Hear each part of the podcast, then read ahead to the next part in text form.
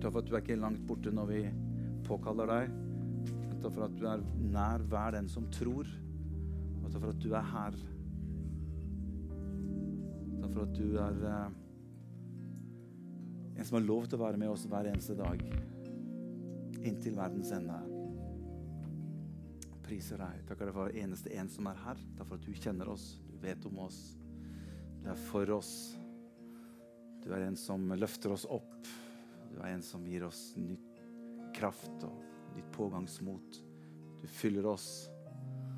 Derfor for at du er det som eh, kan gi oss det som ikke vi har, og det som ikke vi greier i egen kraft. Takk for at du er kilden til det, Jesus. Og takk for at du er her. I Jesu navn. Amen. Dere kan få lov til å sitte ned. Vet du at eh, For meg personlig så tror jeg at kristenlivet mitt hadde vært kjedelig hvis ikke jeg hadde hatt Den hellige ånd. For meg hadde det å vært en kristen uten Den hellige ånd det hadde vært fryktelig tungt, fryktelig vanskelig, fryktelig tørt, fryktelig eh, eh, utfordrende, fryktelig eh, på egen styrke og egen kraft prøve å holde ut, prøve å ha på etiketten av å være en kristen, prøve å leve opp til en standard, prøve å please en slags form for eh, forventninger fra Guds side, prøve å være noe som jeg tror kanskje at Gud ønsker at jeg skal være, det hadde vært fryktelig vanskelig og fryktelig tungt. Derfor er jeg så utrolig glad for at Jesus sa til oss at det er til beste for dere at jeg går bort. For hvis ikke så kan jeg ikke sende talsmannen Hellige Ånd. Men når han kommer, så skal han Men når det står at 'og jeg skal være med dere alle dager inn til verdens ende', hvordan tenker du på et sånt skriftsted som det?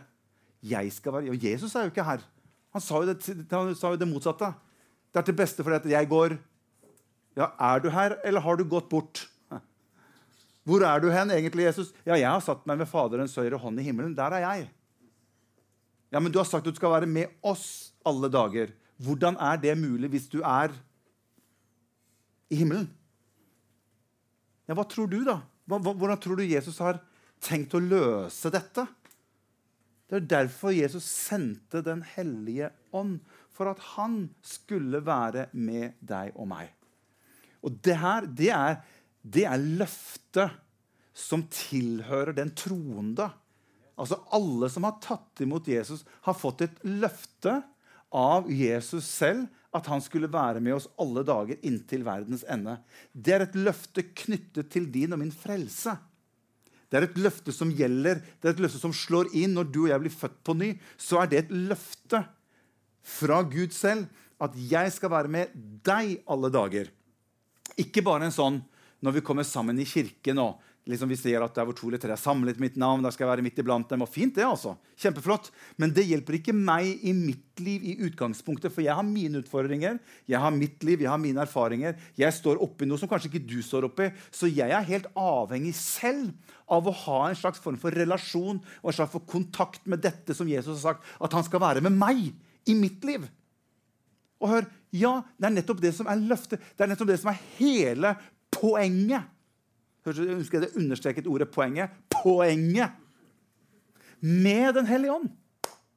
Derfor er det så på mitt hjerte at vi, kan ikke, vi må ikke fremmedgjøre dette som har med Den hellige ånd å gjøre. For hvis vi fremmedgjør det som har med Den hellige ånd å gjøre, så setter vi litt lokk på nettopp det som var selve, selve løsningen, selve nøkkelen for ditt og mitt liv her nede på jorden. Så hvis Den hellige ånd blir noe fremmed for deg, ja, så er du i ferd med å distansere deg fra noe som var tenkt til å skulle være en styrke, en velsignelse, en rikdom, en glede, en fred, som han tilbyr deg og meg som troende. Amen. Dette er bra. This is good preaching. Kunne satt meg ned nå? Jeg har vært ganske fornøyd med, med det jeg har delt allerede så langt i dag. Du vet at jeg har en ring på fingeren. Og Jeg, Annette, jeg er gift med en, en, veldig kjekk jente som heter Anette. Vi har vært gift snart nå i 30 år. Eh, og vi, fikk den, vi satte denne her, eh, ringen på fingeren når vi var, eh, ble forlova. Nå er det mange gamle minner som dukker opp her. Skal ikke, fortelle, skal ikke gå gjennom alle de 30 årene, for så god tid har vi ikke. Men vi satte denne ringen på fingeren. Og dette, for meg så er dette et tegn på at jeg er gift. Jeg og, og Anette har inngått en pakt med hverandre, og vi er gift. Men jeg kjente jo det at når vi, når vi satte på fingeren og vi giftet oss, så tenkte jeg det må da være mer enn bare det. Det kan ikke bare være sånn at jeg er gift med Anette, et eller annet sånt juridisk et eller annet at Hvis du går og sjekker det, så Jo da, dere er gift. Og så og si, Vi, vi, vi, vi snakkast. Vi prekast. Når jeg er sammen med Anette, når jeg deler fellesskap med hun, det er da jeg opplever at denne ringen her får mening og innhold. Det er da jeg opplever at gleden i det å være gift gir en slags form for mening når jeg deler et fellesskap med Anette. Det er i det fellesskapet jeg kjenner at det er godt og bra å være gift. Er det, noen, gifte her? Jeg skjønner ikke hva han snakker om. Jeg har vært gift i 30 år, og det opplever i hvert fall ikke jeg. Skjønner du hva, hva, hva, poenget er? Og hør, Det er dette som står når Paulus skal gå til første skriftstedet som skal dele med dere. Første skriftsted som jeg skal dele med dere i dag. Jeg håper dere har litt, litt tid, skal jeg dele noe med dere. Vi eh, opplevde en veldig sånn sterk tilstedeværelse av Den hellige ånd i første møte her, så det ble veldig lite undervisning. Men jeg får ta litt igjen hos dere som, som er, er, her nå. Men dette er det som Paulus avslutter når han skriver disse brevene. Antagelig skriver Paulus fire brev til menigheten i Korint. Vi har bare to av dem. Men når han avslutter hele sitt hva skal si, hilsen til menigheten i Korint, i kapittel 13, så skriver han som dette her. Så sier han Må vår Herre Jesu Kristi nåde, Gud vår Fars kjærlighet og Den hellige ånds samfunn, skriver Paulus. Så sier han 'være med dere alle'. Her, her ser vi hele treenigheten i samme vers. Faderen, Sønnen og Den hellige ånd. Og Paulus hilser menigheten i Korint med å understreke noe av denne treenigheten og understreke noe av viktigheten med alle tre. For vi har fått oppleve en, en kjærlighet fra vår far, som elsket verden så høyt at han ga sin egen sønn. Og hans sønn kom ned hit, tok all vår skyld og all vår straff på seg og tilveiebrakte nåden for deg og meg. Det er gjennom Jesus vi har opp, opp, eh, få tak på Guds nåde. Og så sier, så sier Paulus men så vil jeg også at Den hellige ånds samfunn skal være med dere. Så Paulus han understreker egentlig bare det som Jesus underviste sine disipler om, som, vi, som vi skal komme tilbake til litt, litt, senere. Så Paulus han understreker at dere må ha et samfunn, dere må lære dere å ha et samfunn eller et fellesskap med Den hellige ånd. Det er jo ikke jeg som sier det, det er jo Paulus. Og jeg tenkte litt på, Hvis jeg skal ha samfunn med Den hellige ånd For det er noen som spør meg kan jeg, kan jeg snakke eller kan jeg be til Den hellige ånd. Nja, Noen er litt sånn usikre på det. Kan, kan jeg det? Ja, altså, hvis, hvis, jeg skal ha samfunn med Den hellige ånd Ok, Hellige ånd, nå skal vi ha samfunn. Men skjønner, jeg kan ikke jeg skal helst ikke, jeg skal ikke si den, Jeg skal ikke prate med deg.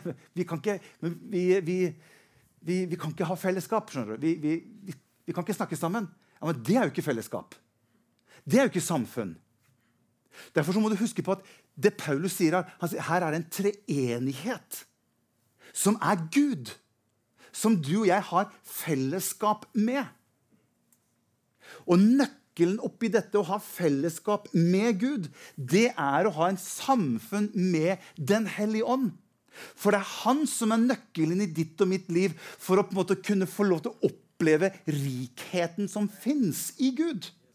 Han er selve kilden, han er selve utgangspunktet for deg og meg å skjønne og begripe og forstå og oppfatte og se hvordan Gud er. For hør her, om jeg sier 'Hei, Hellige ånd', så er det ikke sånn at han bare Hysj! Du må ikke snakke til meg! Du må snakke med han. Det er jo Gud. Han er ikke mindre Gud enn Jesus. Han er ikke annenrangs Gud. For ellers hadde aldri Jesus sendt han hit. Hvorfor skulle han sende han til oss? Ikke bare skulle han bare sende han være hos oss, men han skulle til og med bo i hjertene våre hvis jeg aldri skal kunne henvende meg til han. Men hvorfor henvender jeg meg til han? Jo, jeg henvender meg til han i fellesskap med han. Hør. For å få en enda større innsikt og åpenbaring og forståelse av hvem Gud er. Den hellige ånd vil alltid ønske å peke mot Jesus. Den hellige ånd vil alltid ønske å vise deg og meg mer av hvem Jesus er. Han vil alltid ønske å få din og min oppmerksomhet mot han. Derfor som noen ganger Når jeg sitter og leser Skriften, så kan jeg si Hellige vet du hva? Det her skjønner jeg ikke noe av. Hva betyr dette, Hellige? Ja, kan du si sånt? Ja, jeg har jo samfunn med han. Og han er den som ønsker å lære meg i mitt hjerte, i mitt sinn, i mine tanker, slik at jeg kan få lys over det som står her. Og når jeg begynner å få lys over det som står her, så kan det godt hende at Den hellige ånd sier til meg Nå har ikke han sagt det, altså, men kan han at han sier, Morten, tilby Jesus litt nå. Og så har jeg sett noe av Jesus som Den hellige ånd har vist meg. Jeg skal vise dere etterpå. For det står til og med Jesus. Han sier at når han kommer, så, sier han, så skal han ta av det som er mitt. Altså Den hellige ånd. Han skal ta av det som er mitt, sier Jesus, og så skal han vise det for dere. Hvis jeg aldri henvender meg og har kontakt med Den hellige ånd, hvordan kan han vise meg noe da? Hvis jeg på en måte liksom, i min legning eller holdning har en slags form for litt sånn ryggen vendt mot Den hellige ånd, hvordan skal han kunne vise meg? For det er han som kan vise meg hvem Jesus er. Og han gjør det alltid ut ifra hvordan Skriften forklarer ting. Og så peker han på ting i Skriften, og så viser han så plutselig så, ah, Er det sånn det er? Og så får jeg en opplevelse av at Skriften blir levende for meg. Det er et ord vi bruker. Et levende for meg i min sjel eller i min ånd. Jeg opplever at Skriften får på en måte liv i seg. Og hvem er det som skaper det livet? Jo, det er Guds ånd inne i meg som gjør dette. Og Det er derfor jeg er så nøye på at vi skal få lov til å lære oss disse tingene, hvordan disse tingene henger i sammen. Derfor har jeg bare lyst til å lise dere noen skriftsteder. Eh, jeg har sagt at jeg har mye på hjertet, så hvis ingen av dere skal noe spesielt akkurat nå ja, Vi skal ha gjester, vi stemmer det. Eh, det går jo ikke da. ok, Men da får vi bare holde oss noenlunde til, til skjema her. Men jeg har lyst til å vise dere noe bare ut ifra eh, bare ut ifra apostlenes gjerninger, hvor mye Skriften sier om Den hellige ånd. Hvis du går til Jesus, hva han, så underviser Jesus mer om Den hellige ånd enn han gjør om det meste andre av det han underviser om. Underviser han om Den hellige ånd. Se, bare, jeg har bare plukket ut noen skriftsteder. Skal jeg se om jeg greier å lese dette her uten at jeg har på meg briller. Jeg skal gå litt unna, så kan jeg se skriften. Dette her er bare skriftsteder bare i apostlenes gjerninger. Vi skal ikke gå gjennom alle, for det, det har vi ikke tid til. Men du ser på en måte hvordan Skriften og hvordan de første kristne hadde et naturlig forhold til det som hadde med ånden å gjøre. Da sa Peter, 'Ananias, hvorfor har Satan fylt ditt hjerte, så du kan lyve for Den hellige ånd?' Og stikke til side noe av det du fikk for jordstykket ditt. står i kapittel 5, vers 3. Peter sa til henne, 'Hvordan kunne dere bli enige om å sette Herrens ånd på prøve?' Vi er vitner om alt dette, vi og Den hellige ånd, som Gud har gitt dem som er lydig mot Han. Ser dere, ser dere hvordan Guds ånd, Den hellige ånd, er en del av måten å tenke på og måten å snakke på? Stivnakket er dere, uomskåret både på hjerte og ører. Alltid står dere Den hellige ånd imot. Som deres fedre, så også dere. Ånden sa til meg at jeg skulle dra sammen med dem uten å nøle. Det er jo ganske Det er jo ganske, det er jo ganske Hva heter det for noe? Konkret. Det er jo ganske direkte. En av dem, som het eh, Agabos, sto fram og varslet ved ånden at en stor hungersnød skulle ramme hele verden. Disse to som altså var blitt sendt ut av Den hellige ånd. Den hellige ånd og vi har besluttet ikke å legge noen annen byrde på dere. Den hellige ånd og vi har besluttet. Den hellige ånd og vi, Den hellige ånd og vi har besluttet. Her må det jo være en eller annen slags form for kommunikasjon, tenker jeg. Ser dere det? Den hellige ånd og vi har besluttet. Mm -hmm.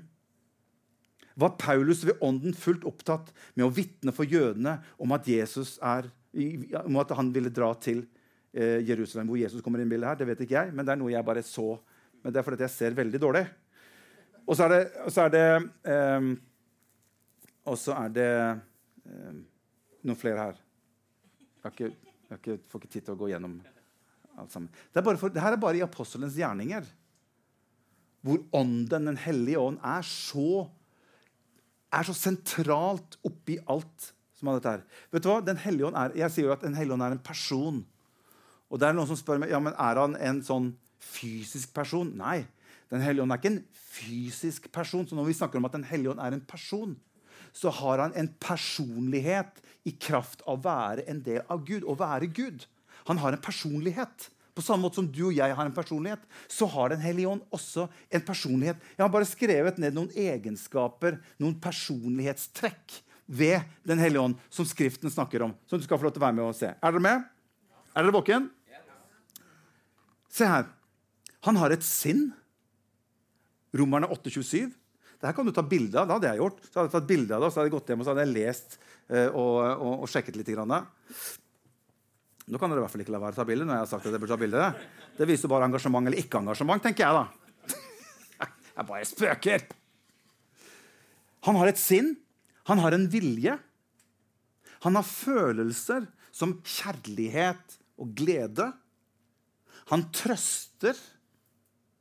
Han taler. Han taler tydelig. Står, bare les hva som står i 1. Timoteus kapittel 4. Da talte Den hellige ånd tydelig, står det, og sa. Hm. Han underviser. Han kan få ham til å føle sorg. Han kan bli fornærmet. Han kan motstås. Og han kan bli løyet for. Apostelens gjerne kapittel 5 og vers 1. Det er alltid sånn at når vi snakker om det som har med Den hellige ånd å gjøre Nå har jeg, nå har jeg levd, begynner å, å, å bli voksen og, og, har levd lenge med dette som har med Den hellige ånd å gjøre. og Sett mye og opplevd mye og erfart mye. Og det er alltid sånn at det er alltid to fallgruver man går i rundt det som har med Den hellige ånd å gjøre, og kanskje rundt det som har med karismatikk å gjøre, og litt sånne si, ting som har med ånden å gjøre. Det er alltid to fallgruver. Nesten uansett jeg husker, eh, jeg husker, eh, jeg husker ikke jeg han, da, men, eh, men, Levi Petrus for han var litt før min tid, men han som var med å grunnlegge pinsebevegelsen i Sverige. jeg husker Han sa det at det som er vanskelig for Guds folk, det er at hvis de greier å bevege seg på knivseggen mellom det som har med det ekstreme å gjøre, og mellom det som har med det kontrollerende, konservative å gjøre, så kan Gud bevege seg med sin ånd på en god måte. På knivseggen. For det er alltid to fallgruver. Jeg har kalt det for det ekstreme og det kontrollerte. Jeg har bare lyst til å si litt om det. Hør. For at du har noen ekstreme karismatikere eller ekstreme pinsevenner eller ekstreme som tar det vel, Og vi kjenner til Jeg har vært med så mye. Så jeg, kjenner, jeg snakker ut fra egen erfaring. Vi har vært, Mange av oss her har vært på veldig mye, og mange av oss som er her, har annen bakgrunn opp imot dette som har med karismatikk eller åndelighet å gjøre. Og hør, Det er alltid to gruver. Du har de superåndelige på den ene sida. Det er de som hører ekstremt mye fra Den hellige ånd. Og de ser og de får ekstremt mange åpenbaringer av Den hellige ånd.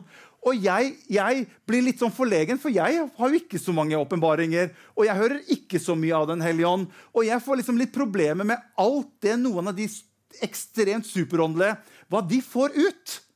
Det syns jeg er helt ekstremt. Og noen ganger så får det, får det meg til å føle meg litt sånn annenrangs eller second hand Christian.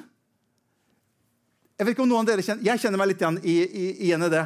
Eh, jeg har skrevet her, De har en tendens noen gang til å trekke mye oppmerksomhet mot sin egen åndelighet. Og de blir som en slags form for karismatisk fariseer som ser seg selv som litt over de andre rundt seg. Sånn, jeg har nok en dypere åpenbaring i Skriften enn det du har. Og jeg har nok erfart mye mer fra ånden enn det du har. Altså, Hvis det blir fariserisme ut av å være overåndelig, så vil det oppfattes feil. Og det blir galt. Og man ender ut i ekstremisme. Og hør, jeg er ikke for ekstremisme som pastor. Alt folket sa. Det er lov å si et lite amen uh, om personen. Men så har du den andre siden. For det er to fallgruver. Så har du den andre siden, som jeg har kalt for åndelig politi. Og de er skeptiske til alt som virker ute av deres måte å tenke normalt på, og deres måte å ha kontroll på. Så hvis noe er fraviket for det, så er de ute med en gang. De er selvutnevnte overvåkere av det åndelige og det overnaturlige. Og hvis en hendelse ikke naturlig kan forklares, ja, da er det uaktuelt. Så du vil alltid på hver side Derfor Lever Petrus sa kan man greie å balansere noenlunde midt i her. Og hør, jeg har skrevet her Et sted imellom her tror jeg det fins en sunn kristendom. Sunne troende, men hør, men med et ydmykt og lengtende hjerte til en hellige ånd. Med stor respekt for Guds ord og Skriften, er åpen for Den hellige ånd, men er forsiktig og ønsker at ting skal være ekte. For hvis vi går på kompromiss med oss selv, at vi på en eller annen måte er ikke sikre på om dette er ekte eller ikke, så har vi lov til å være skeptisk. Sånn er i hvert fall jeg av natur.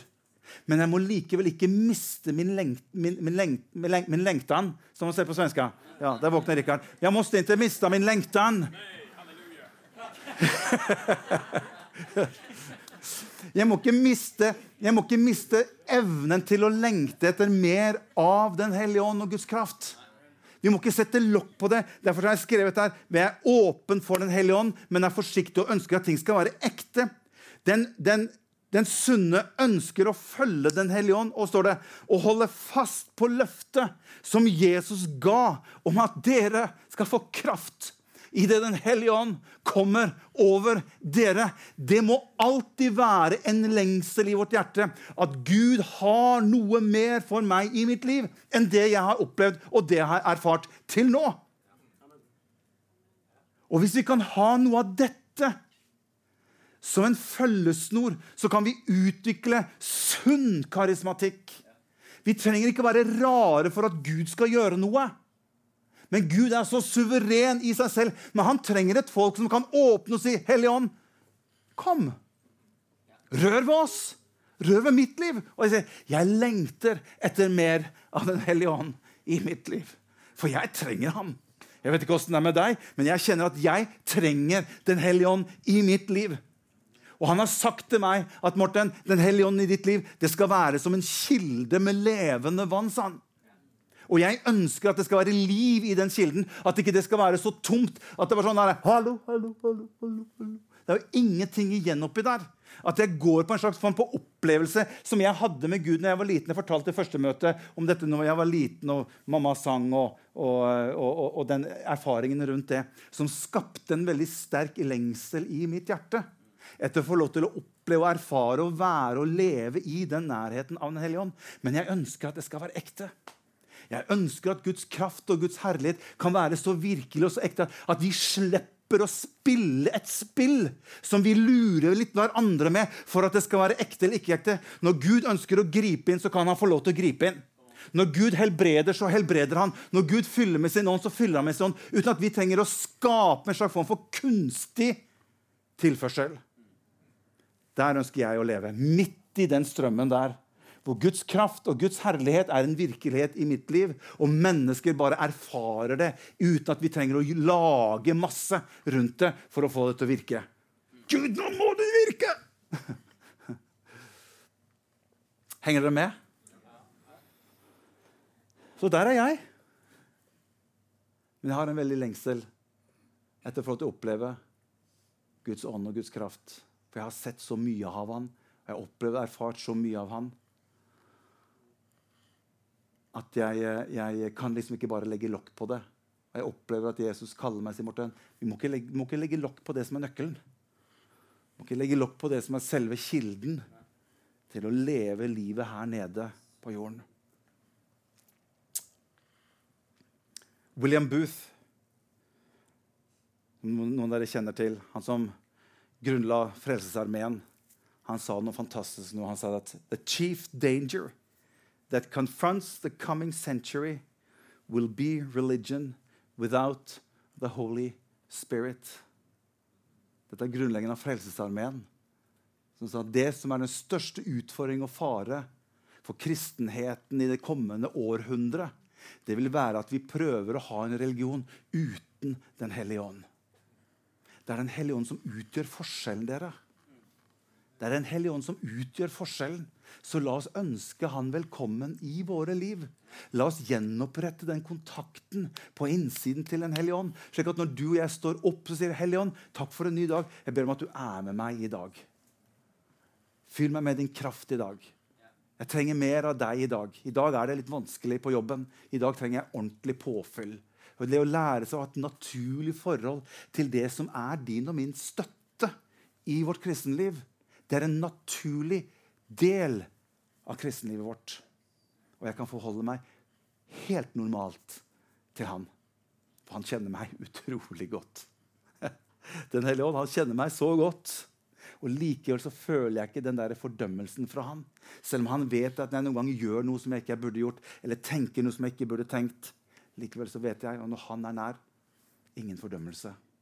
Han ønsker bare å være den ressursen og den hjelpen inn i mitt liv.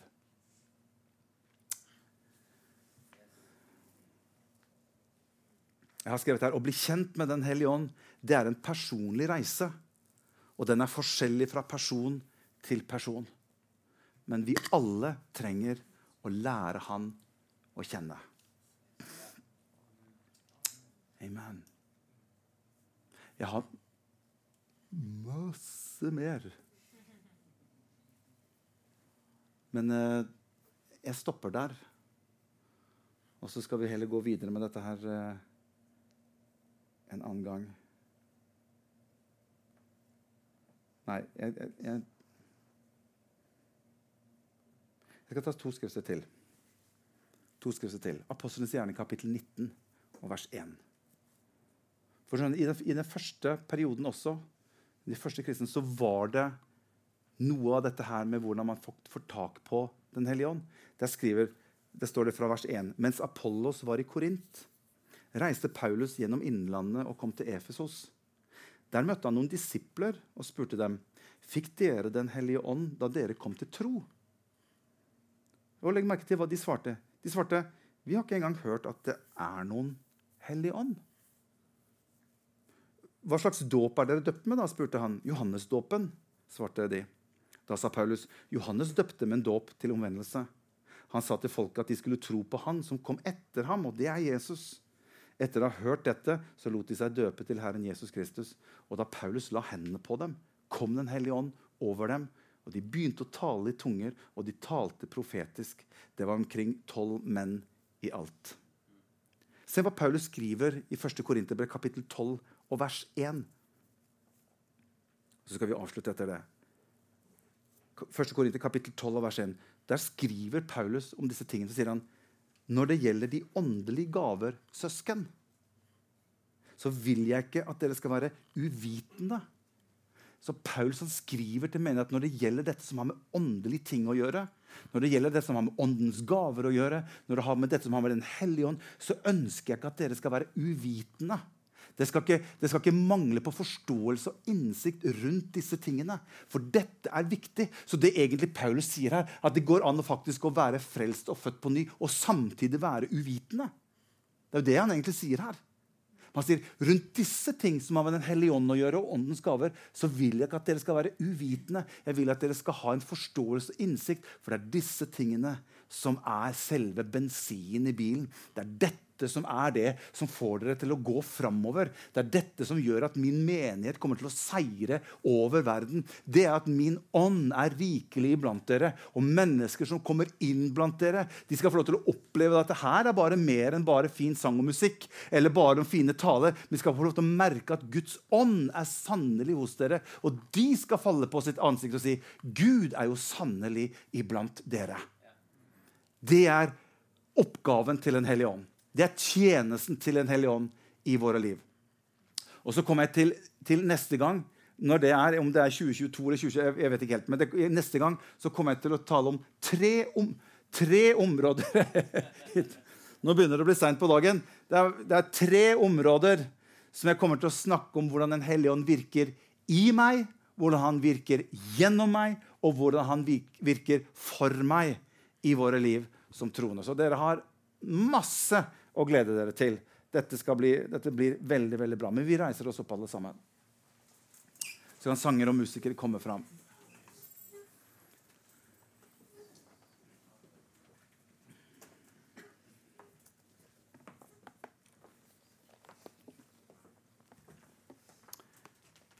Thank you, Jesus.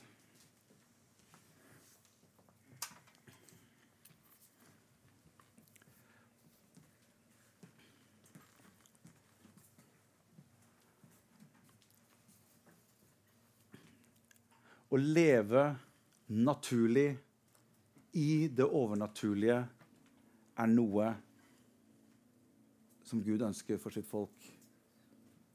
Men vi må slippe det overnaturlige til. Og vi må være åpne for at Gud ønsker å virke med sin ånd i og gjennom våre liv. Og denne ånden som vi fikk, er fantastisk flott. Du kan ta opp det siste skriftstedet som jeg har. Aller, aller siste skriftstedet.